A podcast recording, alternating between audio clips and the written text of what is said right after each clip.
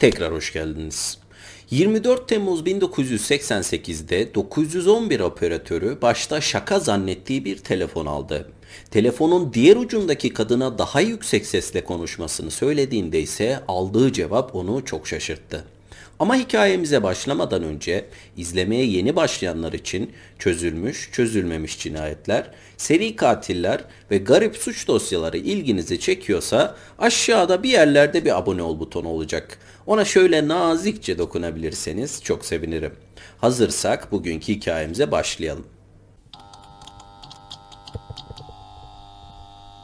1972'de sıcak bir yaz günüydü ve 28 yaşındaki Bonnie Bates Pritchard çoğu eşi ailesinin, arkadaşlarının veya güvendiği insanların kollarına atıp hüngür hüngür ağlatacak o haberi almıştı. Ama Bonnie o eşlerden değildi. Bu yüzden 5 yıllık eşinin kendisini ve iki çocuğunu terk ettiğinin haberini alınca çiftlikte büyüyen küçük bir kızken ne yaptıysa aynısını yaptı. Hislerinden hiç bahsetmemeyi seçti. Eşi yeni sevgilisiyle gün ışığında yeni yollara yelken açarken o Bates ailesinde boşanan ilk insan olacağını ailesine bile söylememeyi seçti. Haftalar sonra bir şeye ihtiyacı olup olmadığını sormak için evine uğrayan babası kapıyı çaldığında niyeti hala bir şey söylememekti. Ama kapıyı açıp kendisi gibi tüm dertlerini içine atan babasını görür görmez ona kocasının kendisini terk ettiğini söylemek yerine diz çöküp ağlamaya başladı. Bu Bonnie'nin kocası onu terk ettiğinden beri ilk ağlayışıydı ve son olacaktı. Kocası Steve'in kendisini terk etmesinden sonra 4 yıllık bir finansal boşluğa düştü. İlk seneler faturalarını ödemek için maaş aldı ama zaman ilerledikçe hem maaşından arttırmaya hem de maaşından arttırdığı paralarla işinde yükselmesini sağlayacak kurslara gitmeye başladı ve çektiği çilelerin, uykusuz gecelerin, ekstra mesailerin ödülünü 4 yıl sonra çalıştığı sigorta şirketinde üniversite diploması olmamasına rağmen genel müdür terfisi aldığında aldı. Bonnie'nin 4 yıllık çilesinin ödülü tahmin edemeyeceği bir yerden daha geldi. Çalıştığı sigorta şirketinin yöneticilerinden olan, ayrıca yaşadıkları North Carolina'nın en zengin insanlarından biri olan Leet Von Steen'in kalbini çalmayı başarmıştı. Sosyal ve ekonomik olarak iki ayrı uçtan gelen Bonnie ve Leet'in aslında ortak çok şey vardı. Bonnie'nin iş arkadaşına Cadılar Bayramı kostümü için bir çift bot sorduğunu duyan Leet ilk adımı atıp botları alması için gideceği yere kadar bir araba yolculuğu teklif etti. Kostüm için araba yolculuğuyla başlayan aşkları 17 Ağustos 1979'da nikah masasında ikisinin de kabul ediyorum demesiyle evlilikle sonuçlandı. Evlendikten sonra şehir ve iş değiştiren ikili 1987 yazında hayatlarını değiştirecek bir sürece giriş yaptı. 18 aylık bir süre içinde hem anne ve babasını hem de amcasını kaybeden ve hepsinin mirasçısı olan Reed artık toplamı neredeyse 2 milyon dolar olan varlığa ve nakit paraya sahipti. 1988 yılına gelindiğinde Lead ve Bonnie birçok önemli dönüm noktasını geride bırakmıştı. Bunlardan biri de Bonnie'nin büyük çocuğu olan Chris'in artık bir çocuk değil, üniversiteye giden bir genç olmasıydı. Bu ailesi için çocukluğundan daha zorlayıcı bir dönemdi.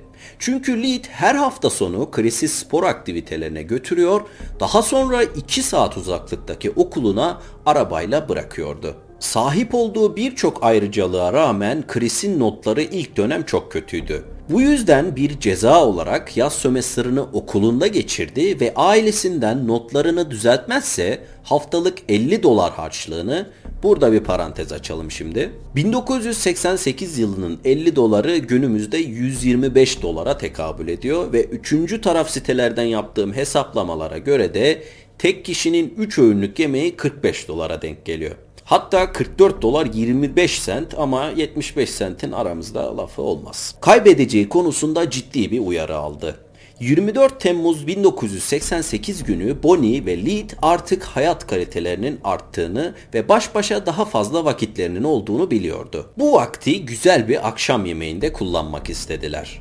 Bol bol gülümseme ve iltifat sonrası eve dönen çift yatak odalarında özel birkaç saat geçirdikten sonra Lead uyumaya karar verirken Bonnie aşağıda televizyon izlemek istedi. Favori dizisinin bölümü bittikten sonra Bonnie koridorun diğer ucunda yatan kızı Angela'ya açtığı müziğin ve çalışan fanın gürültüsünden duyurabildiği kadar iyi geceler diledikten sonra odasına gitti ve yatağa girdi. Yaklaşık yarım saat kitap okuduktan sonra başucundaki ışığı kapadı, gözlüklerini çıkardı ve mevsimin tüm sıcaklığına rağmen Leet'in vücutuna yapışarak uykuya daldı. Yaklaşık 4,5 saat sonra 25 Temmuz saat 4.27'de 911 operatörü gelen telefondaki kadının söylediklerini güçlükle duyabiliyordu. Başta gelen telefonun bir şaka olduğunu düşünüp kadından daha yüksek sesle konuşmasını rica etti. Ama kadının söylediklerini duyduğunda bunun bir şaka olmadığını anlamıştı. Telefondaki kadın sadece adım Bonnie Lead. Kocam ölüyor, ben de ölebilirim. Lütfen yardım edin diyebildi. Dakikalar sonra olay yerine giden polis memurları gördükleri vahşet karşısında donup kaldı. Yatak odası tavandan zemine kadar kanla kaplıydı ve daha nabız kontrolü yapmadan yatakta yatan adamın öldüğü çok açıktı. Ama yerde yatan kadın yüzündeki, göğsündeki kesiklere rağmen hala nefes alıyordu.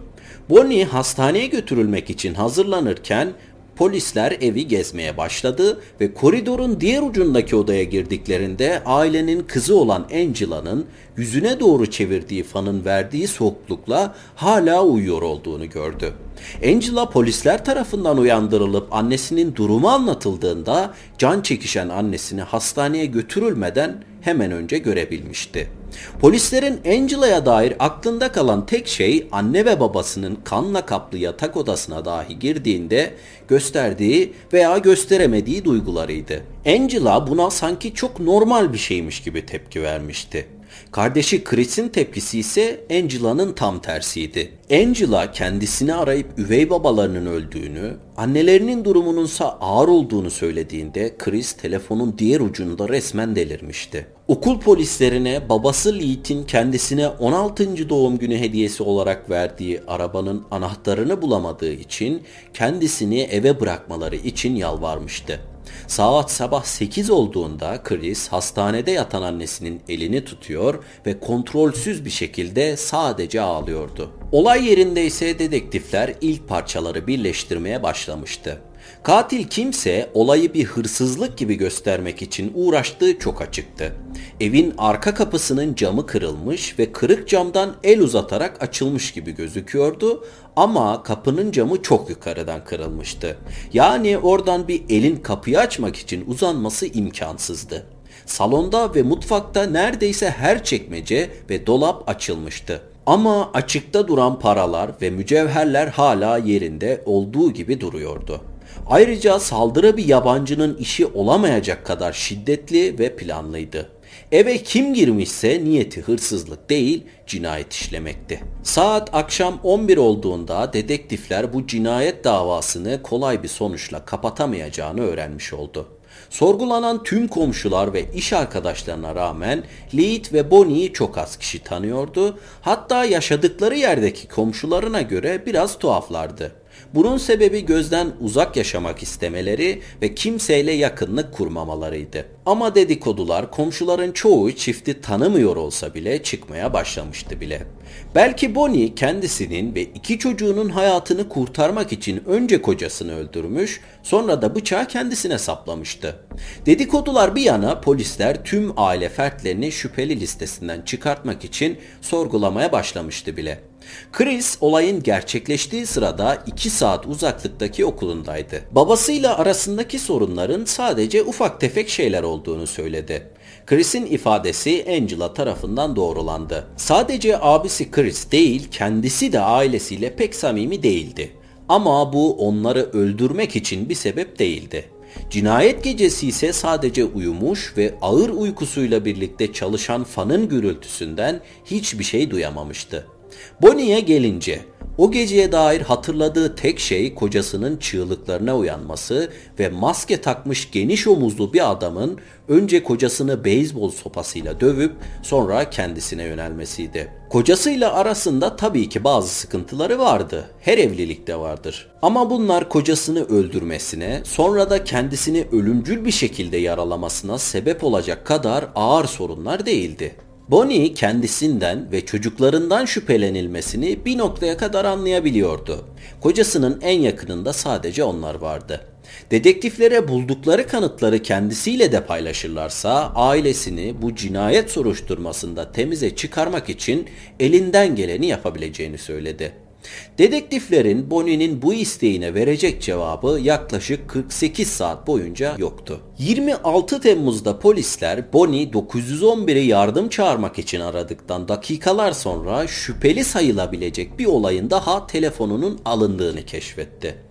Telefon arabasıyla çiftliğine giden bir domuz ve tütün çiftçisi olan Noel Lee tarafından edilmişti. Lee arabasıyla geçtiği yerde ıssız bir alanda yaklaşık 2,5 metrelik bir ateşin yandığının haberini vermek için aramıştı. Eski gönüllü bir itfaiyeri olan Lee, ateşin çok aydınlık ve direkt yukarıya doğru yanmasından dolayı bir çeşit hızlandırıcı ile yakıldığını gördüğü an anlamıştı. Ateşi kontrol altına alıp yayılmayacağından emin olduktan sonra polise telefon etmişti. Belki de hiçbir şey çıkmayacaktı ama bunun bir kundakçılık olduğu çok açıktı. Bu yüzden polisin de bilgisinin olmasını istemişti. Başta olayla ilgisinin olmadığı düşünülse de iki gün sonra gelen rapora göre bizzat kendi olaylarıyla alakalıydı. Ateşin kalıntılarını incelemeye giden polisler ateşin içinde ilk kanıtlarını buldular. 15 santimetrelik bir av bıçağı. Daha incelemeden önce dedektifler cinayet silahını bulduğunu biliyordu. İnceleme sadece bu hislerini doğruladı. Ama ateş üzerindeki tüm parmak izlerini yok etmişti. Ateşin içinde ayrıca kıyafet, ayakkabılarla birlikte elle çizilmiş bir sokağın haritası da vardı. Çoğu yeri yansa da hala okunabilir haldeydi ve haritada 110 numaralı Lead ailesinin yaşadığı evin üzerinde kocaman bir X işareti vardı. Yeni bulunan kanıtlarla olayın bir hırsızlık olmadığı artık resmen doğrulanmıştı. Şimdi daha büyük bir sorunları vardı. Cinayeti kim planlamıştı, kim organize etmişti? Bu sorunun cevabını bulmak polislere tam 11 aya, Leet ailesine ise sayısız taşınmaya ve psikolojik travmalara mal oldu. Kanıtları yok etmek için çıkarılan ateşte bulunanlara ve yürütülen soruşturmada öğrenilenlere göre 42 yaşındaki Leet von Steen'in öldürüldüğü sabah olanlar şu şekilde. 24 Temmuz günü Bonnie kızı Angela'ya iyi geceler diledikten sonra 11 civarı yatak odasına gitti ve geceliğini giydi. Yatağa girmeden önce Lee'te soğuk çay veya su isteyip istemediğini sordu. Sessiz bir hayır cevabı aldıktan sonra yarım saat kitabını okudu, ışığını kapattı ve uykuya daldı. Bu sırada katil de gece için hazırlıklarını yapmıştı. Bir beyzbol sopasını ve av bıçağını sırt çantasına koymak gibi. Saat gece iki buçuk olduğunda kucağında elle çizilmiş harita duruyordu. Harita katili direkt olarak hedefine götürüyordu. Tahmin ettiğinden yarım saat daha erken gelmişti. Bu yüzden yarım saat boyunca arabada oturup suç ortağıyla planlarını tartıştılar. Eve girmenin veya çıkmanın bir sorun olacağını düşünmüyorlardı. Düşündükleri gibi de oldu. Yarım saat sonra arka kapıdan ses yapmadan içeri girmişlerdi.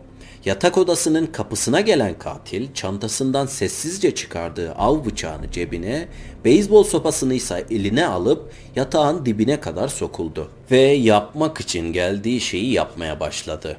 Bonnie kocasının çığlığına uyandığında katili en az 5 defa Leet'in kafasına beyzbol sopasıyla vurmuştu bile. Otopsi raporuna göre Lead aldığı beyzbol sopası darbelerinden sonra tam 7 kere bıçaklanmıştı. Ölümcül olan darbe ise sol göğsüne aldığı ve kalbine gelen darbe oldu. Bonnie saldırgan kendisine saldırırken iki kere bayılmıştı. İlkinde gözünü açtığında saldırgan ayaklarının ucundaydı ve öldüğünü düşünüp Bonnie'yi bırakmıştı. Ama Bonnie ölmemişti. Aldığı bıçak darbesi Bonnie'nin tam göğüs kafesine denk gelmişti. Bu darbe Bonnie'yi öldürmek yerine kan kaybetmesine ve kendinden geçmesine sebep olmuştu. Bonnie ikinci defa gözlerini açtığında yataktan düştüğünü düşünüp tekrar doğrulmaya çalıştı.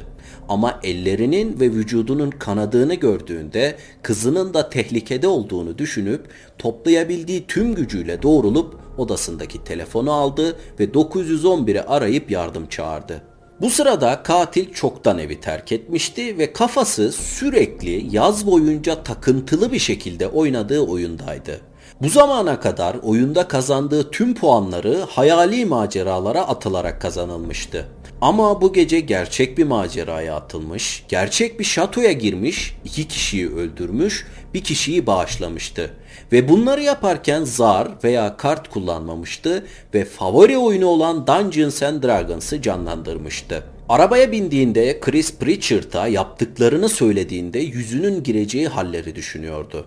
Çünkü tam Chris'in söylediklerini yapmış, üvey babasını ve annesini öldürmüştü. James Upchurch, Chris gibi iyi arkadaşlarının hitap ettiği adıyla Moog, arabaya bindiğinde şoför koltuğunda oturan arkadaşına baktı. Şoför koltuğunda oturan 21 yaşındaki Neil Henderson, Moog'a aynı şekilde sorgulayan bir bakış attı. Neil, Chris ve Moog'la gittiği üniversiteyi yeni bırakmıştı. Ama Moog ve Chris, Chris'in ailesini öldürme planına Neil'i de dahil edip 2000 dolar ve 20 bin dolar arasında bir ödeme teklif etmişti. Arabadaki sessizliği bozan şey ise Moog'un maskesini çıkarıp başardım, yaptım diye kutlama yapması oldu. İkinci sömestrın yaklaşmasıyla birlikte Chris Pritchard sadece kötü notlar almıyordu. Problemleri çok çok daha büyüktü. Okula döndüğünden beri sadece alkolik olmamış, ayrıca uyuşturucu kullanmaya başlamıştı. Ve bu bağımlılığı artık ailesinden aldığı haftalık 50 dolarla yatıştırabileceği bir bağımlılık olmaktan çoktan çıkmıştı. Ailesinin bağımlılığının boyutundan tam olarak haberi olmasa da haberi vardı. Chris'le bağımlılığını bırakıp notlarını düzeltmezse okuldan alınıp harçlığı kesilip bir iş bulması konusunda tartışmalı bir konuşma yapmışlardı bile. Sömestr tatilini okulda geçiren Chris en az uyuşturucu kadar bağımlılık yapan yeni bir şey keşfetmişti. Chris iki arkadaşıyla birlikte oynadığı karışık ve sürükleyici bir rol yapma oyunu olan Dungeons and Dragons'a resmen bağımlı olmuştu. 1974'te tanıtılan Dungeons and Dragons oyunu oyuncularına değişik kökenlerden, tarihlerden ve ırklardan oluşan karakterlerin rollerini yapma, kimliklerine bürünme imkanı veriyor. Chris, Moog ve Neil ile oyun oynayarak geçirdiği her gün babasına kalan mirası anlatmaktan kendini alamıyordu. Hatta kendince rakamı da 2 milyonla 10 milyon dolar arası olarak değiştirmişti. İlk sömestrın bitişine ve ikinci sömestrın başlangıcına kadar arkadaşlarıyla Dungeons and Dragons oynayan Chris bu oyunu ailesini öldürmek için kullanabileceğini düşündü ve planını devreye soktu. 23 Temmuz'da denedikleri ilk planları ailenin içeceğine uyku ilacı atıp evde sigorta kutusundan başlayan kaza gibi görünen bir yangın çıkarmaktı. Ama bu planları Chris ve James sigorta kutusunu açamayınca başarısız olmuştu. Bu başarısızlık onları durdurmadı. Şimdiki planları Chris okulda durup cinayet günü için görgü tanıkları toplarken Moog ve Neil'ın kendisine ait olan araçla 2 saat yol gidip ailesini öldürmesiydi. Planında başarılı da oldu. Kız kardeşi kendisini arayıp babasının öldürüldüğünü, annesinin ağır yaralı olduğunu söylediğinde tek yapması gereken rol yapmaktı. Chris saldırıdan sonra annesinin kurtulmasına sevindiğini söylese de komşularına ve arkadaşlarına söylediği tek şey annesinin ne gördüğü, saldırganını hatırlayıp hatırlamadığı ve polise ne anlattığıydı. Chris babasının mirasını alır almaz Moog'a 50 bin dolar nakit para ve Porsche spor araba ve Neil'e ise yine aynı şekilde cömert bir hediyede bulunacağını söyledi. Ama bilmediği bir şey vardı. Babasının vasiyetine göre ne Chris ne de Angela 35 yaşına gelene kadar babasının mirasında hak sahibi değildi. 8 Haziran 1989 günü Neil Henderson baskılara daha fazla dayanamayıp polislerle yaptığı anlaşmayla cinayeti itiraf etti. 24 Ocak 1990 yılında 22 yaşındaki James Upchurch birinci derece cinayetten suçlu bulundu ve gaz odasında idama mahkum edildi. İki yıl sonra idam kararı bozuldu ve ömür boyu hapis cezasına çevrildi. 22 yaşındaki Neil Henderson 40 yıl hapis cezası aldı ama 2000 yılı Aralık ayında şartlı tahliye ile serbest bırakıldı. Chris Pritchard ömür boyu hapis cezasına çarptırıldı. Uyuşturucu ve alkol bağımlılığı dolayısıyla rehabilitasyon merkezinde uzun yıllar geçiren Chris, 1997 yılı Mayıs ayında şartlı tahliye ile serbest bırakıldı. Vakit ayırıp dinlediğiniz için teşekkür ederim. Aşağıya bırakacağım sosyal medya hesabından bana ulaşabilir, hikaye önerebilirsiniz. Kendinize iyi bakmayı ihmal etmeyin. Hoşçakalın.